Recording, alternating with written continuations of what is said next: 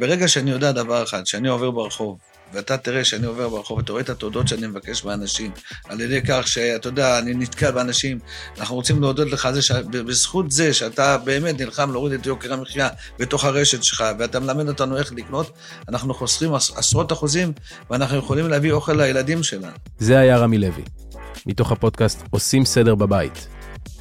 רעיון מיוחד על אהבה ברחוב, יוקר המחיה של הישראלים והחלומות להמשך. לינק להאזנה בתיאור הפרק.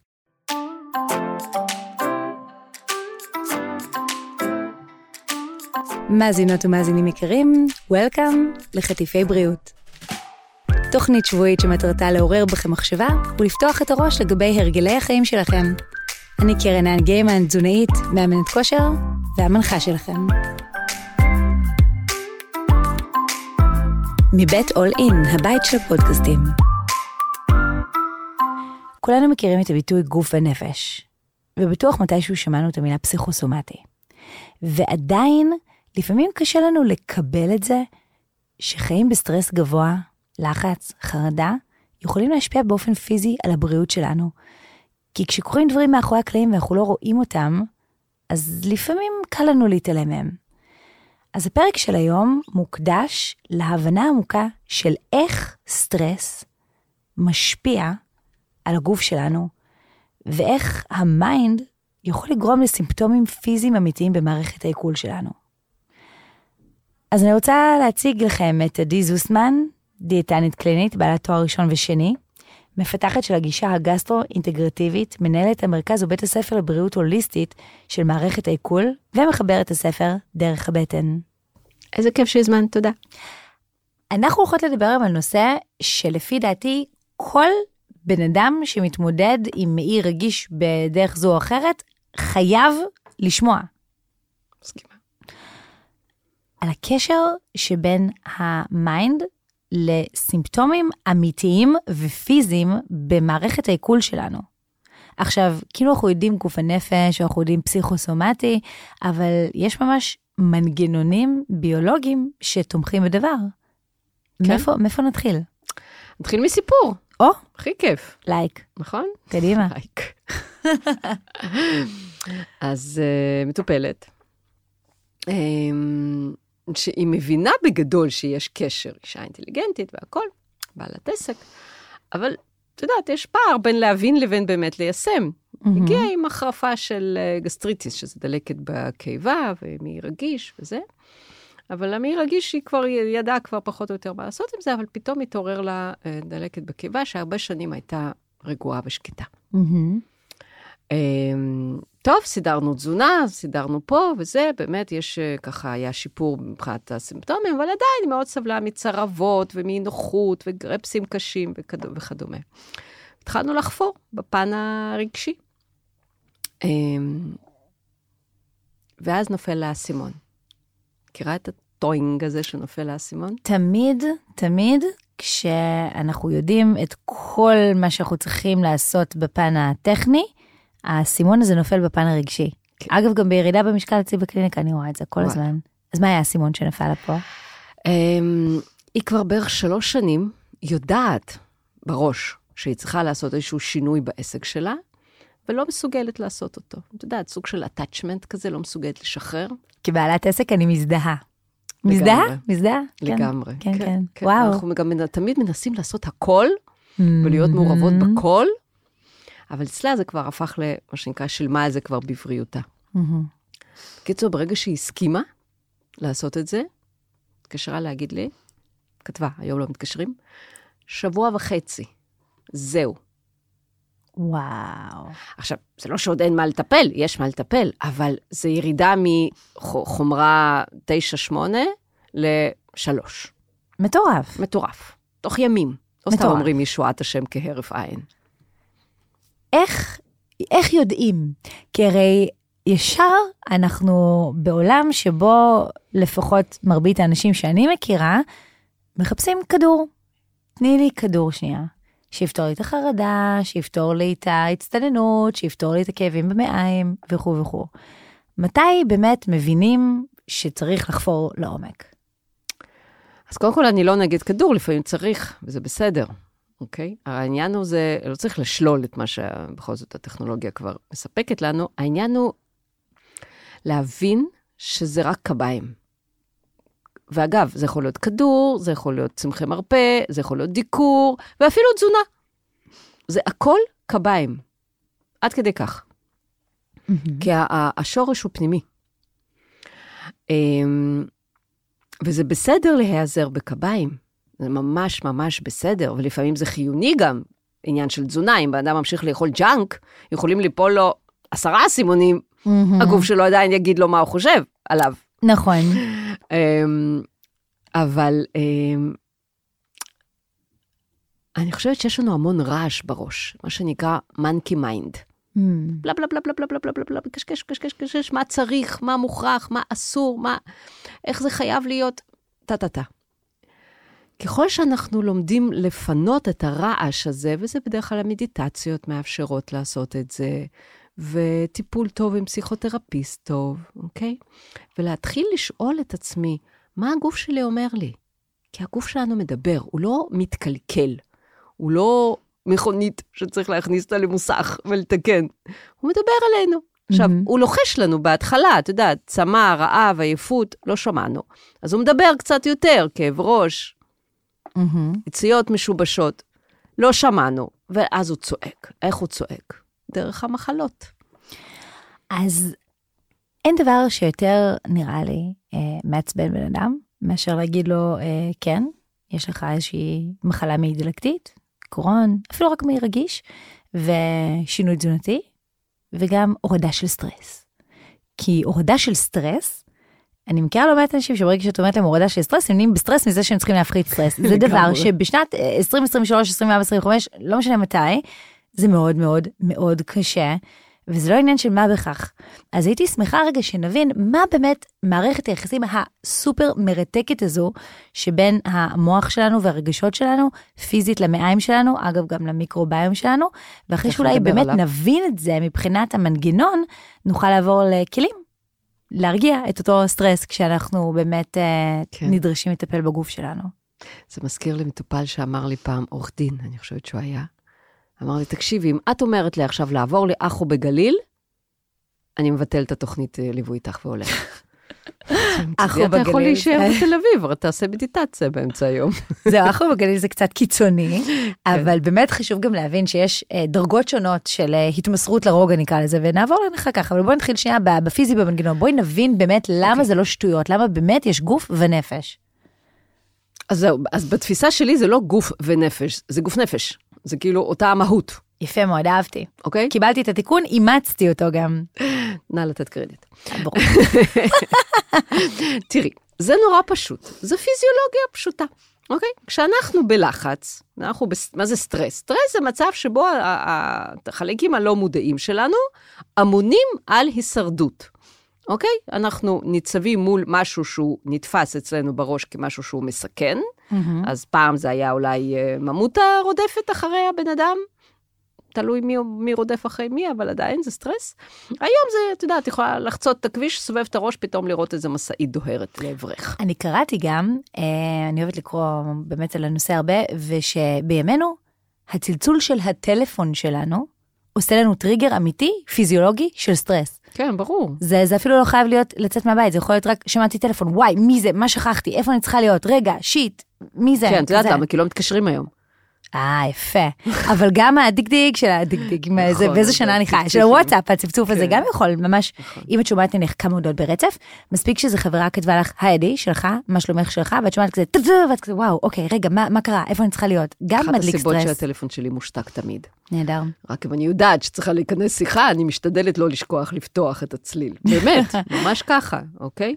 ואז אז, אני אה, נכנסת לשם באופן יזום, אני כבר זאת שמנהלת את העניינים, אפרופו. אוקיי, אז שנייה, פיזיולוגיה. סטרס. סטרס. אני רואה משהו שנתפס אצלי כמסכן אותי, או חובה משהו כמסכן אותי, יש מערך הורמונלי מובנה בגוף. כי המערך הזה נועד ל- להישרדות. אין לי זמן עכשיו להתחיל לחשב בכמה קמ"ש ומה המרחק של המשאית ממני, אני צריכה לברוח. להחליט אם אני נלחמת בה או נסה על נפשי, סביר להניח שאני אנוס. אם אני עושה שביל ישראל ופתאום אני פוגשת נחש באמצע, רצוי שאני אעשה את הכפה, כן? פריז, אה, זה, זה נקרא fight, flight, freeze. אוקיי? זאת אומרת, יש פה שלושה מנגנונים מובנים בנו אבולוציונית, איך הם מתרחשים? בזכות שינוי מערך ההורמונים. יש הפרשה של הורמוני סטרס, קורטיזול, אדרנלין, אוקיי? הם עושים shut down לכל מה שקשור למערכת העיכול, שימי לב. ומזרימים בעצם את הדם לגפיים, או אם אנחנו מחליטים שאנחנו קופאים, מחליטים, לא בדיוק מחליטים, אבל לשרירים שאחראים כן, על זה. כן, בדיוק. וזה אוקיי? עניין של שניות. זה עניין של שניות, שניות, ואנחנו אפילו ממש. לא, זה לא רצוני, זה פשוט קורה. בדיוק, אפרופו הצליל הזה, כן, הצליל הזה הרבה פעמים הרי הוא יכול להיות מאוד נעים, אבל תוך שנייה אני קודם כל מגיבה אוי, מהמם. אחר כך אני יכולה להחזיר את עצמי למצב הקודם. עכשיו, אם אנחנו לא מודעים לזה ואנחנו בעצם רוב הזמן מתנהלים בתוך מערך הורמונלי של סטרס, אגב, זה נקרא היום distress, כי מהמם. יש הבדל בין לברוח כרגע מטורף לבין כל הזמן להיות בלחץ, כל הזמן להיות בדריכות. אני מוטרדת מזה שאני מאחרת לישיבה, אני מוטרדת מזה שלא הכנתי את החומר לבוס, או, או, או שאני לא מספיקה להגיע להוציא את הילד מהגן, או אני תקועה בפקק. שזה באמת יותר מאפיין את החיים שלנו. לגמרי, זה החיים שלנו. אז רובנו חיים פה רוב הזמן ב-distress. ואז איך ההורמונים מתנהגים ב-distress? אז יש לנו כל הזמן הפרשה, כל הזמן גירוי של יותרת הכליה, כל הזמן הפרשה של הורמוני סטרס, אולי לא בשיאם, אבל הם גם לא בניחותא. מהמם. ואז בעצם כל הזמן יש לנו פגיעה במנגנונים הורמונליים אחרים, שפועלים במצב של נינוחות, במצב של רגיעה. זה בעצם שתי מערכות עצבים אוטונומיות, זאת הסימפתטית, זאת שמפעילה את הורמוני הסטרס, מול זאת הפרסימפתטית. הפרסימפתטית, כן, מאפשרת לנו, לא יודעת, לרבוץ כפרה, אני יודעת, משהו כזה.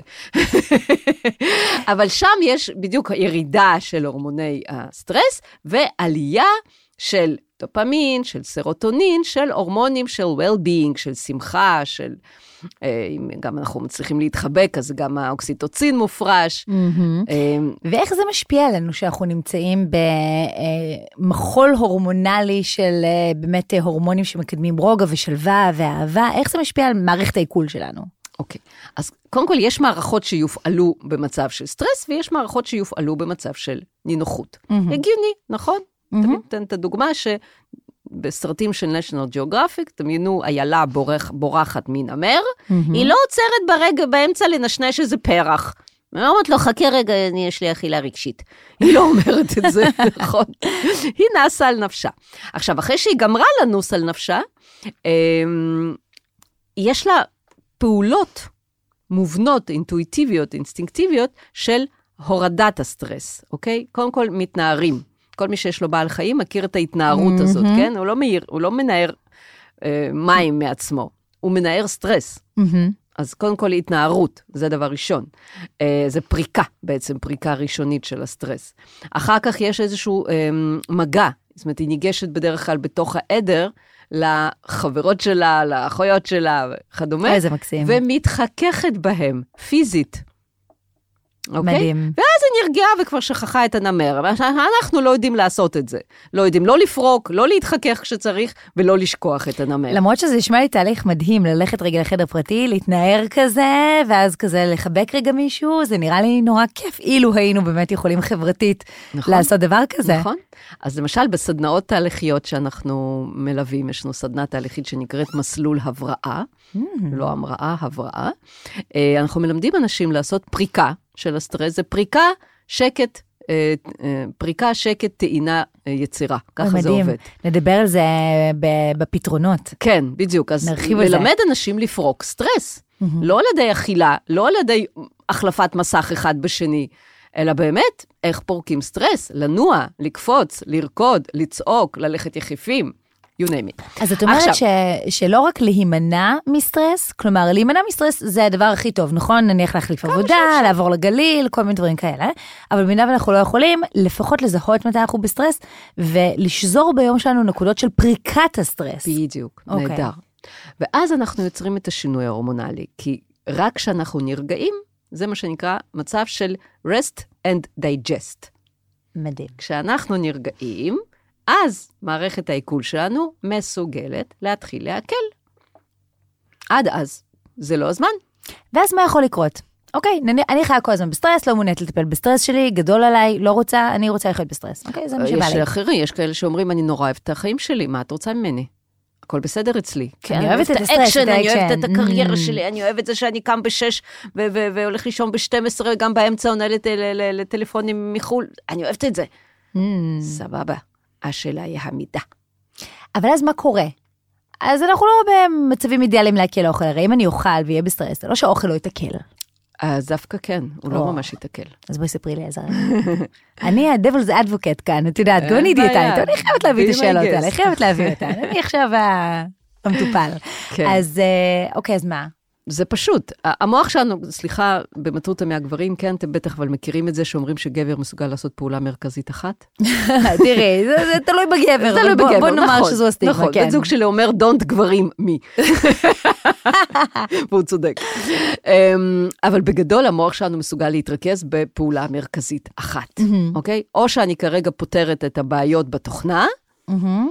או שאני כרגע נותנת פקודה להפריש הורמונים ואנזימים ולעכל את המזון שכרגע אני לועסת. מהמם. אם אני לועסת והמוח שלי עסוק בפתרונות של בעיות בתוכנה, אין מספיק, פשוט אין מספיק אנזימים, אין מהמם. מספיק הפרשה מצי עיכול, אין מספיק חומציות, אין מספיק אחר כך הפססה. כל המערך הזה הולך ו- ובעצם אה, מופרע. זאת אומרת שהוא פועל לך באופן שאיננו אידיאלי. זה בצורה עדינה, מה שאת אומרת, כן. אה, אוקיי, ובצורה קצת פחות עדינה? בואי תני לי את זה רגע. אין עיכול כמו שצריך של המזון. עכשיו, עיכול. אה, גם לא לעסנו כמו שצריך, ואם לא לעסנו כמו שצריך, אז לא, בעצם לא התחלנו את תהליך הפירוק.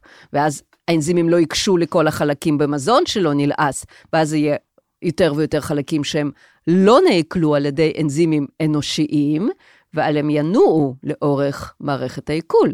מי יעכל אותם? חלקי המעי שלנו. אז זהו, אז בתוך חיידקי המעי שלנו, החיידקים זה שם קוד, בעצם זה מה. שנקרא מיקרוביוטה, שזה מערך שלם, מורכב, גאוני ו- ומרתק של מטה-אורגניזם, שזה ה... בעצם מייקרוביום שלנו, אה, ושיש לנו שם חיידקים ווירוסים ושמרים ו- וחד-תאיים ו-you name it. מהמם. אגב, הכל אצלה, נמצא אצלנו, אנשים אומרים לי, חטפתי סטרפטוקוק, לא חטפת אותו מאף אחד, או יש לך אותו, הוא פשוט התפרץ כרגע, לך. בדיוק, הוא כרגע קיבל תנאים שבהם הוא יכול לשגשג. למה? כי היית עצבני מדי ואכלת, למשל. למשל, כן, כן, כן. כן, כן. אוקיי. ואז ואז מה המערך הזה בעצם משתנה, זה כמו ה-80-20, אז בדרך כלל יש לנו במצב תקין, במצב של eubiosis, eubiosis זה מצב אקולוגי תקין במעיים שלנו, יש לנו יותר מיקרואורגניזמים ידידותיים, אבל 20 אחוז, מה שנקרא אופורטוניסטים, שובבים כאלה. שיכולים להיות פתוגנים, אבל הם יכולים, רדומים. אבל הם רדומים, כי לא נתנו להם אוכל. את מכירה את הסיפור הזה על הזאב הטוב והזאב הרע? אולי, אולי זה- לא בשם הזה, ספרי לי זה רגע. סיפור מקסים על אמ, אה, סיפור אינדיאני. אז בטוח שאני לא. מכירה. אוקיי, אז אה, בסיפור הזה, את יודעת, שם היה כבוד לזקנים, לא כמו אצלנו. אז הצ'יף הזה, כן, יושב לו בנחת, מעשן את המקטרת שלו, ניגש אליו, ילד, אומר, סבא, אני לא מבין. לפעמים אני מרגיש ילד טוב, לפעמים אני מרגיש ילד רע, לפעמים צועקים עליי, לפעמים משבחים אותי, אז מי אני? אני ילד טוב או ילד רע? או, הצ'יף הזה כן, אומר לו, תקשיב, נכד, בכולנו שוכנים שני זאבים. הזק... הזאב הטוב והזאב הרע, והם תמיד במלחמה ביניהם. וואו, אז מי מנצח? שואל Mm. הנכד. עונה לו הצ'יף, זה שאתה מאכיל אותו.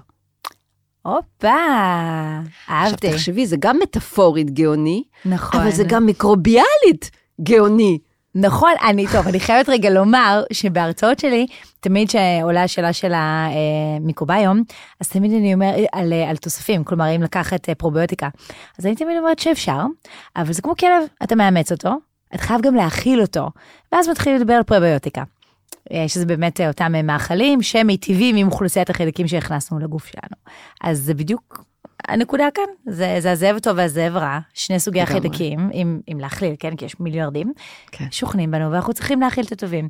אז מה קורה כשבעצם מזון, שאנחנו לא הקלנו באופן מיטבי, מגיע אה, ופוגש את אותם חיידקים שיש לנו בגוף? יש, אה, זאת אומרת, בלילת המזון חלקה מתעכלת, רובה אמורה לי, אה, להיספג, ושאריות, כמו סיבים תזונתיים, כמו אה, כל מיני אה, אולי חלקים גסים. אה, זה מצב תקין. כן, אמורים לנוע לאורך המעי ולהאכיל את החיידקים הטובים. אבל אם מגיעים לשם, למשל, סוכרים, שלא עיכלנו אותם כראוי, ולא ספגנו אותם כראוי, הם לא אמורים להגיע לשם, אוקיי? Hmm. אז למשל, הם יאכילו יותר את השמרים. לדוגמה, אפרופו קנדידה, Hmm. שכל הנטרופטים מדברים על קנדידה, בעצם, אכן ככה, זאת האכלה של השמרים שיש לנו במעיים, או של חד-תאיים. היום מדברים הרבה על סיבו. סיבו שזה בטח. small intestinal bacterial overgrowth, למרות שזה לא כל כך small כבר, זה גם large intestinal כבר. זה מסובך נורא, אז הסיפור הזה זה רק הולך ומסתבך. בוודאי, אנחנו, את יודעת, כמה שאנחנו יודעים על חיידקי מעי, אה, זה בראשית הדרך. כלומר, יש עוד. כל כך הרבה לדעת, יש ממש עולם ומלואו, כן. ולכי תדעי מתי זה יקרה. בא לי להיות עוד 50 שנה, מעניין אם אני עוד אהיה בחיים. לפי התורשה שלי יש מצב. טפו, טפו, טפו, הלוואי. לא, עזבי, זה לא עניין של אורך, זה עניין של איך. חד משמעית. אני אומרת, כל עוד מפסיקים, אה, אה, כל עוד עושים סקס, שווה לחיות, אחר כך לא. עדי, זה הטיזר שלנו, זה הטיזר שלנו לפודקאסט הזה באינסטגרם, אני רואה את זה בעיני רוחי. ונתכנס לחזרה. אז בעצם כשאנחנו נמצאים בסטרס, מה שנקרא כרוני, הגוף שלנו עובד באופן שהוא איננו מיטבי, ואז יכולות באמת להתפרץ אה, מחלות, במרכאות כמו קנדידה.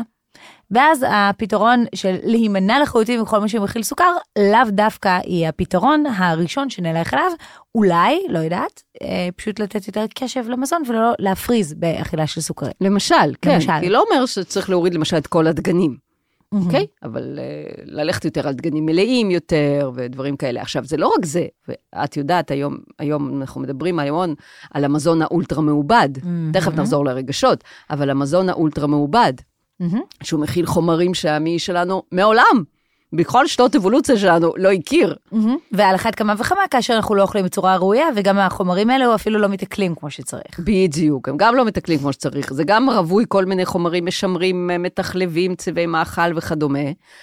עכשיו, זה הולך ביחד, אין לנו מספיק זמן לעצמנו, אפרופו סטרס, אין לנו מספיק זמן לבשל יש לעצמנו. לנו, אנחנו לא מקדישים לעצמנו מספיק זמן, כי תמיד, תמיד, כשמתעוררת מחלה קשה עם התלקחות, פתאום יש לנו זמן. בדיוק. אנחנו בוחרים אומרת, שלא... תקשיב, אתה צריך לבחור מתי לקחת חופשת מחלה ולשכב במיטה שלך בבית, או במיטה בבית חולים.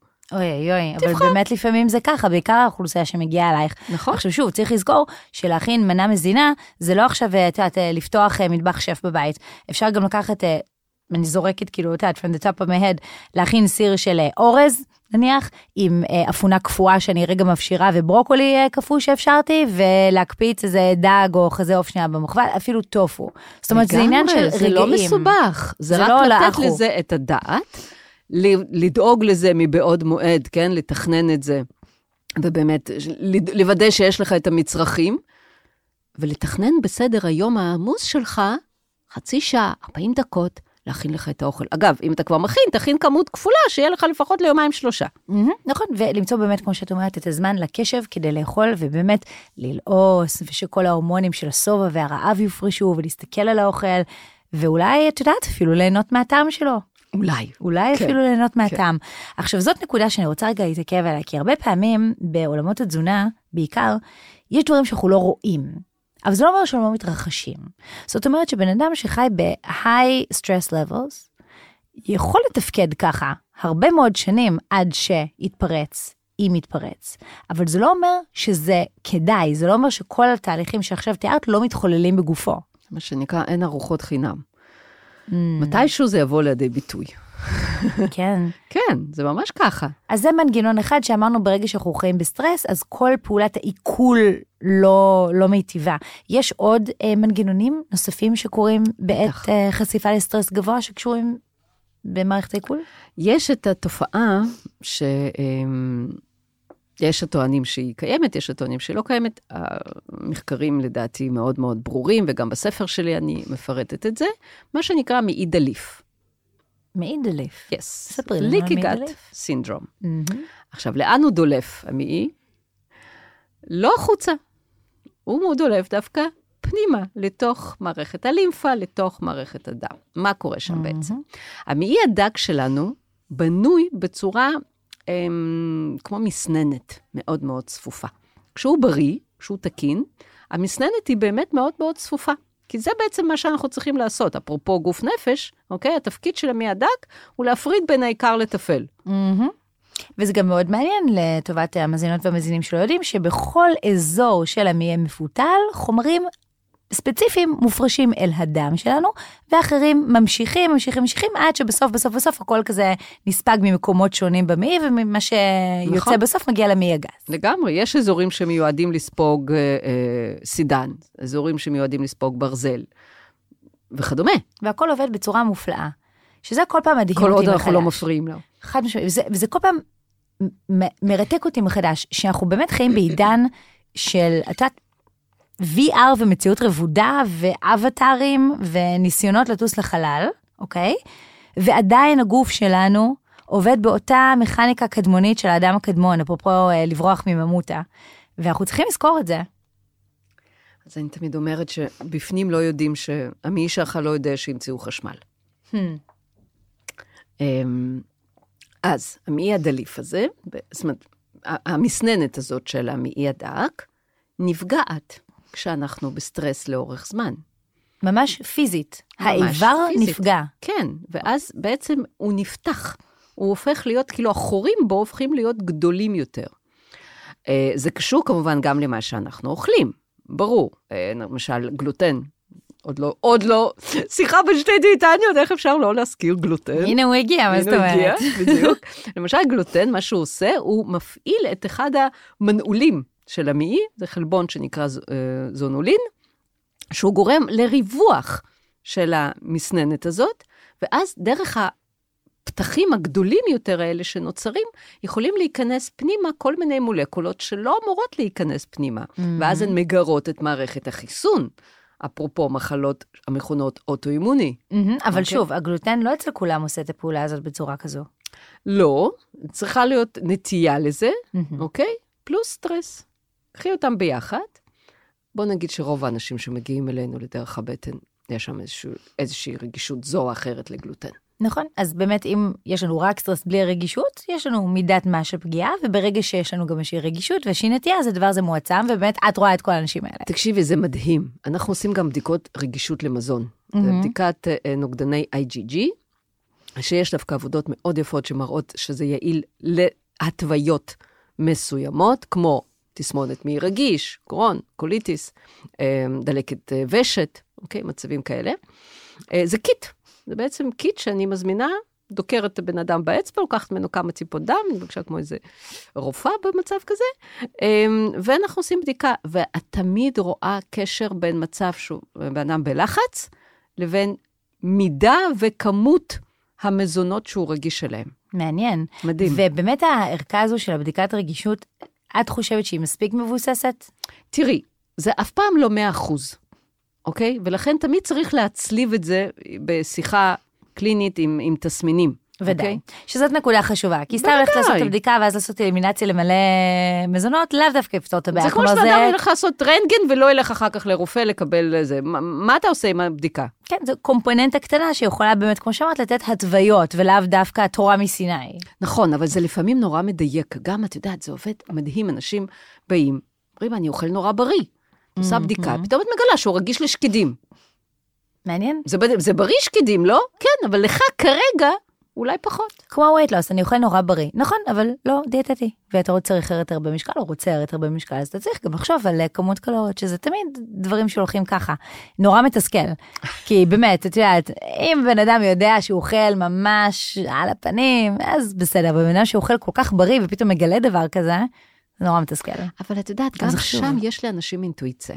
אני נורא מאמינה באינטואיציה של אנשים. אנשים שבאים אליי ואומרים לי, אני יודע שזה וזה וזה לא טוב. לאיך אתה יודע? אני מרגיש את זה. לרוב זה מתברר נכון. אני אספר לך סיפור. כשהתחלתי לעשות את הבדיקות האלה לפני כמה שנים, הבן שלי אמר לי, אמא, אני רוצה גם. אמרתי לו, סליחה, זו בדיקה יקרה, למה אתה רוצה? אומר, אני חושב שאני רגיש לביצים. עכשיו, את יודעת, מה יותר נוח מלהכין חביתה לערב, לארוחת ערב ואת לילד? כזה, פליז, שהוא לא רגיש לביצים. שטויות, טוב, נו, בסדר, אני אשקיע בבן שלי, אני אזמין לו את הערכה. הילד רגיש לביצים. מטורף.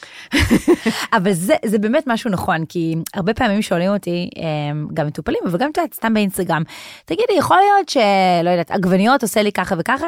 אז התשובה שלי, כשאני, בעיקר כשאני לא מכירה את הבן אדם, זה, תשמע, עגבניות לא אמורות לעשות את זה.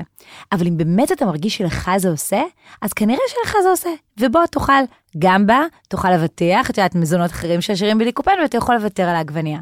אז צריך באמת לשים לב, האם אנחנו באמת מרגישים משהו, או שאנחנו מחפשים תירוץ ל, לא יודעת, אכילה בררנית, או לא לאכול בריא, או לעשות אלימינציה של איזשהו מזון. כן, וגם, איך מגישים את אותו מזון? אותה עגבנייה טריה יכולה באמת, נגיד אנשים שיש להם יותר נטייה לצרבת וכדומה, היא באמת יכולה לגרום לזה, אבל כשזה מבושל, לאו דווקא. מסכימה איתך. ואז גם הליקופן יותר זמין, ווין ווין. לגמרי. אבל לא הרסק המעובד. אה, ברור, אבל עגבניות. אבל עגבניות מרוסקות, שיש בהן רק רכיב אחד, חד משמעית. כן. כן.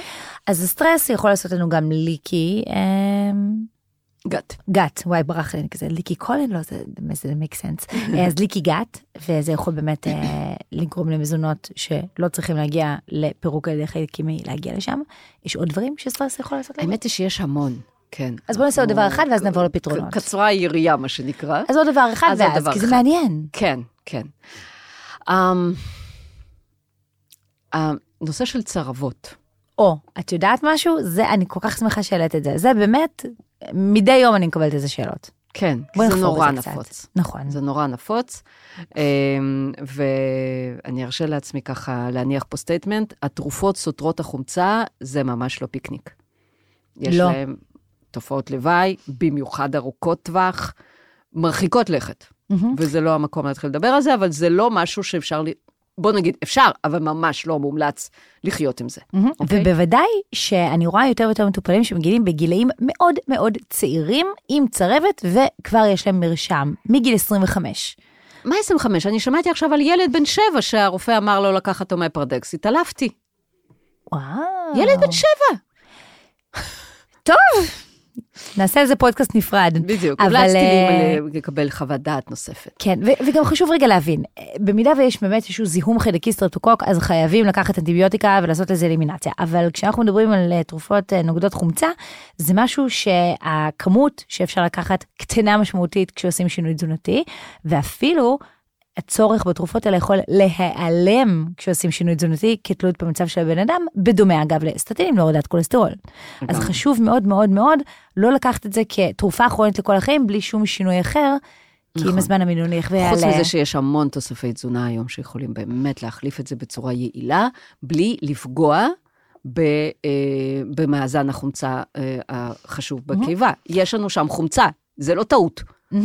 אז אנחנו רגע נסייג את זה ונאמר שכל מקרה לגופו וחייבים. להתייעץ באופן אישי לפני שעושים. איזשהו שינוי תרופתי או מורידים תרופה, אבל בואי נדבר פוטנציאלית כן. והיפותטית. אנחנו פה. להעלות תשומת לב. חד משמעית, אז- אוקיי. אז אה, אוקיי. סטרס מחליש כן. את השסתום ושט קיבה. LES? החבר? בדיוק, פשוט. הוא פשוט מחליש אותו. ואז גם אם החומציות שלך היא פיקס, ואתה אוכל מושלם, הסיכוי שיהיה לך צרבת הרבה יותר גדול. ואם אתה מעשן? במקרה, בנוסף, אז בכלל. הופה, אז כן. הנה הגדלנו את זה. לגמרי. ולפעמים אנשים לא מבינים שהעישון הוא גורם בפני עצמו, סטרס גורם בפני עצמו, אוכל מעובד גורם בפני עצמו, שילוב של שלושתם קטלני, לגמרי. אוקיי? הסטרס מחש- מחליש את אה, אותו שסתום, כן. ואז ואז באמת, מן הסתם, הדברים יכולים לעלות יותר. עכשיו, שם הקטע של אה, גוף נפש הוא מאוד מאוד חזק. גם, גם בספר אני מדברת על זה, יש מקרה שבאמת אני לא מפסיקה לצטט אותו. אה, המקרה מרתק עם אישה אה, עם קריירה אקדמאית מקסימה והכול, הגיע אליי לעניינים אה, של ריפלוקס וצרבות. וסידרנו את התזונה, והמצב השתפר, ואז המצב חזר. Hmm.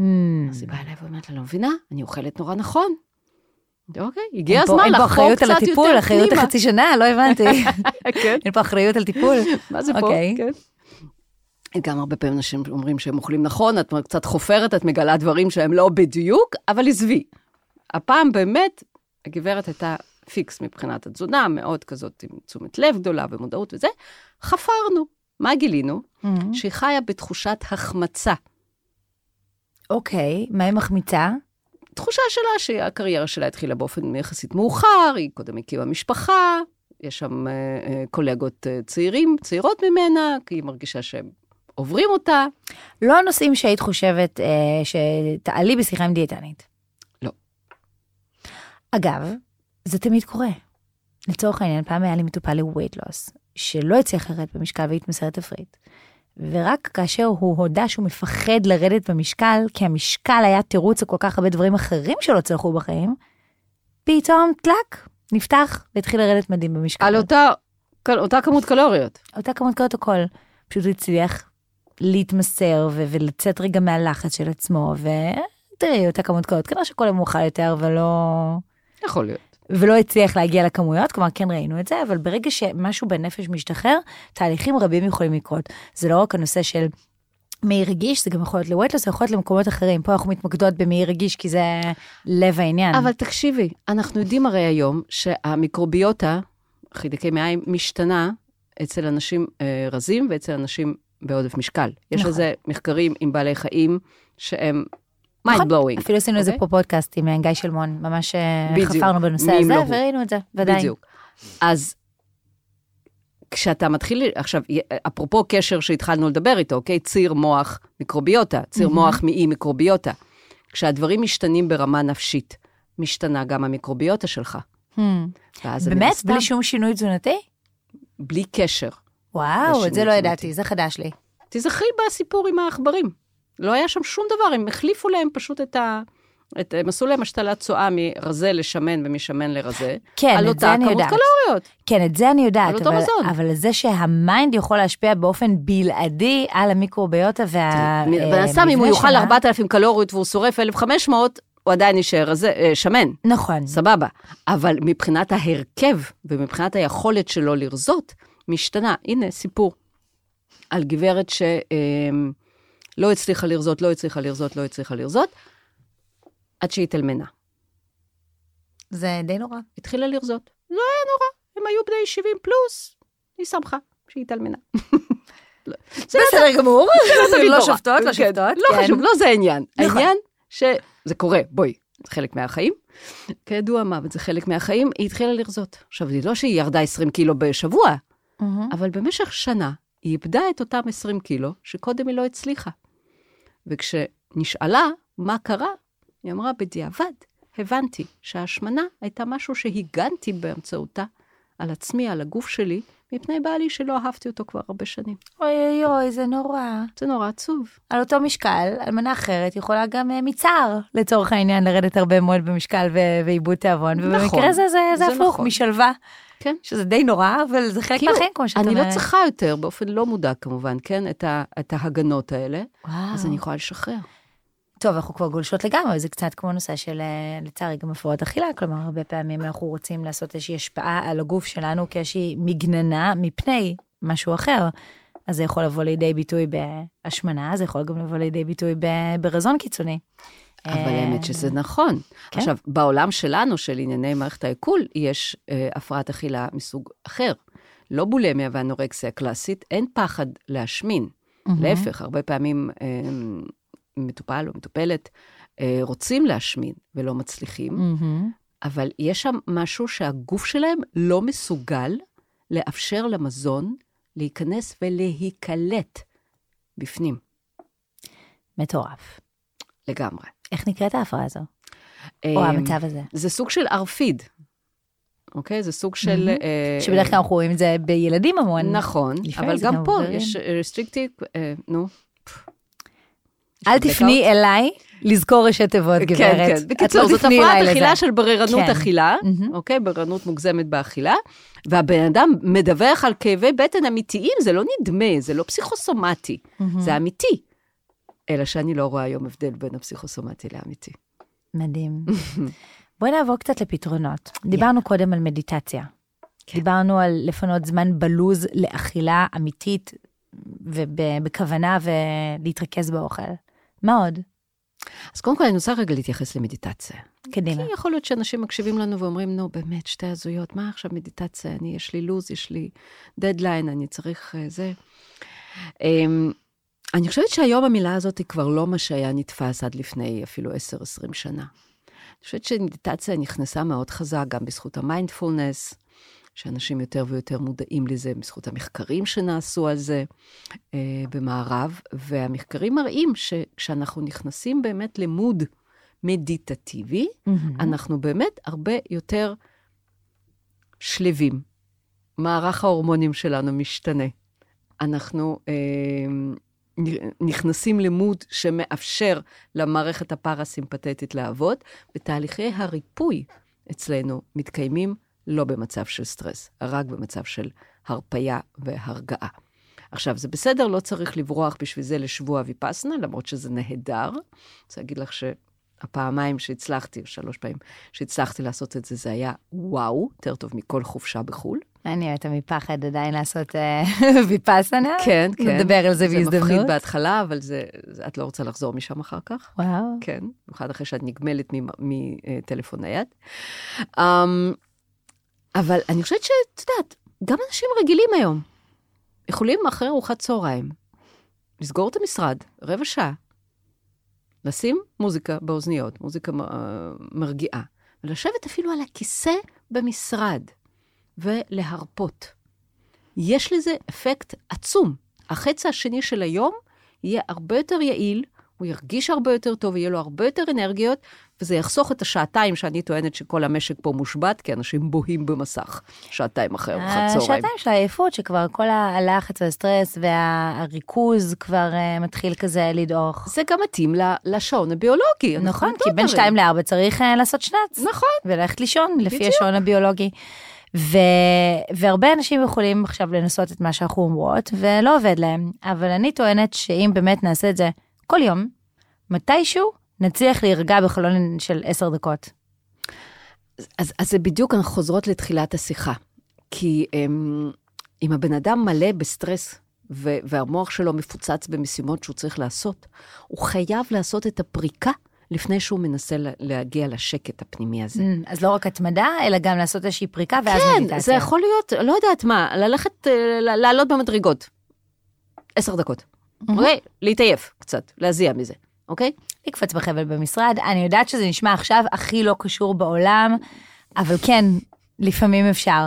ואם יש לכם מתח במשרד, נכון, על דלת, אוי, או נהדר. אפילו לעשות פלנק כזה של 10 נכון. שניות, 20 שניות, 30, כמה שכל אחד יכול. אגב, ה stretching שאנחנו עושים אם אנחנו נתלים על אה, מתח. מתח, אוקיי? גם בלי שאנחנו מרימים את עצמנו, עצם ה stretch עצמו לגוף, יש על זה עבודות עם בעלי חיים שזה מייצר חומ... אה, תהליכים אנטי-דלקתיים בגוף. מדהים. גם מתיחות, לשים את הידיים רגע על השולחן, לקחת את הרגליים אחורה, למתוח רגע את הגב, לנוע. בדיוק. אגב, יש גם את המונח של מדיטציה אקטיבית, לצורך נכון. העניין ריצה ארוכה, או איזושהי חזרה מונוטונית על משהו, רכיבה על אופניים לאורך זמן, שחייה. אה, זה כמובן לא מתאפשר באמצע יום עבודה, אבל אם אפשר נניח פעם בשבוע לעשות איזה דבר כזה, בדיוק, בלי פעם, מוזיקה באוזניים, בלי כלום, כן. זה גם יכול אה, להיות פתרון. יש מדיטציות אקטיביות שאושו פיתח, כמו למשל מדיטציית קונדליני. נכון, אוקיי? אבל זה באמת הם מתקדמים. אה, אה, אה, למה? אני מנחה את זה, אפילו בזום. אה, רבע שעה, יש לנו פריקה, שקט, יצירה, אנחנו מתחילים ממשהו מאוד מאוד מאוד מאוד פעיל, ומסיימים ממש במדיטציה בשכיבה.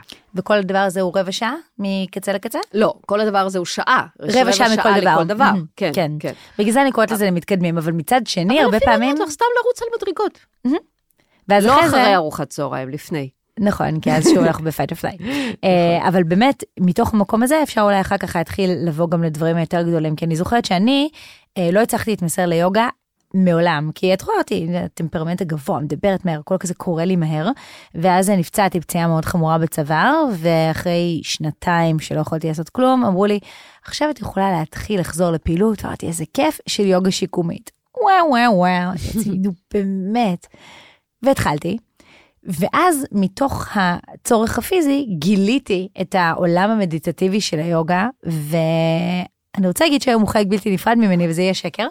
היום הוא מקום שאני כל פעם מתאמצת מאוד כדי להגיע אליו מחדש ו- ולעשות פה שיעור ושם שיעור ומאוד רוצה ומחפשת את זה. אז לפעמים זה גם מגיע הפוך. אני נורא מזדהה. גם אני בגיל 30, כשניסיתי לעשות יוגה, אמרתי, מה זה הדבר המוזר הזה, תעזבו אותי באם שלכם. אה, היום בגילי המופלג אני מכורה. מדהים.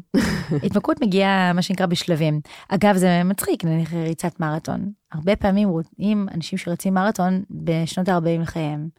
כי זה באמת התמסרות, וצריך איזשהו שקט פנימי בשביל להתמיד במרחק כל כך גדול, שאין בגילאים צעירים יותר שהכל כל כך תזזיתי. אז uh, מאזינות ומאזינים בני 20, תחזרו לפודקאסט הזה עוד 10 שנים, עוד 20 שנה, אולי פתאום תמצאו את הדברים שלנו קצת יותר uh, uh, רלוונטיים. Um, אוקיי, מה עוד? איזה עוד פתרון? דיברת קודם על סדנה שאתם, uh, שאת עושה במרכז. כן. האמת היא שאנחנו מפעילים אותה כבר עכשיו שנה כעיקרון זה, זה כבר מחזור שביעי, אבל זה שנה שנייה בזום. וואו, מדהים. ומה העקרונות שם? זה מדהים.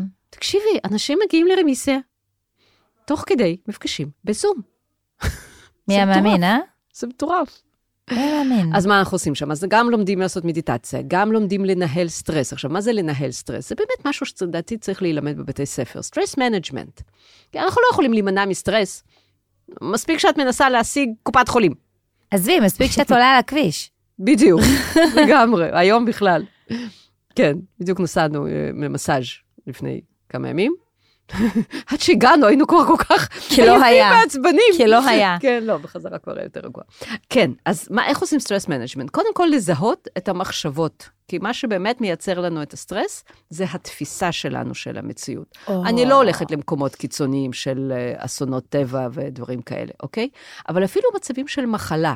איך אני תופס את זה, יקבע האם אני אהיה בסטרס מזה או לא.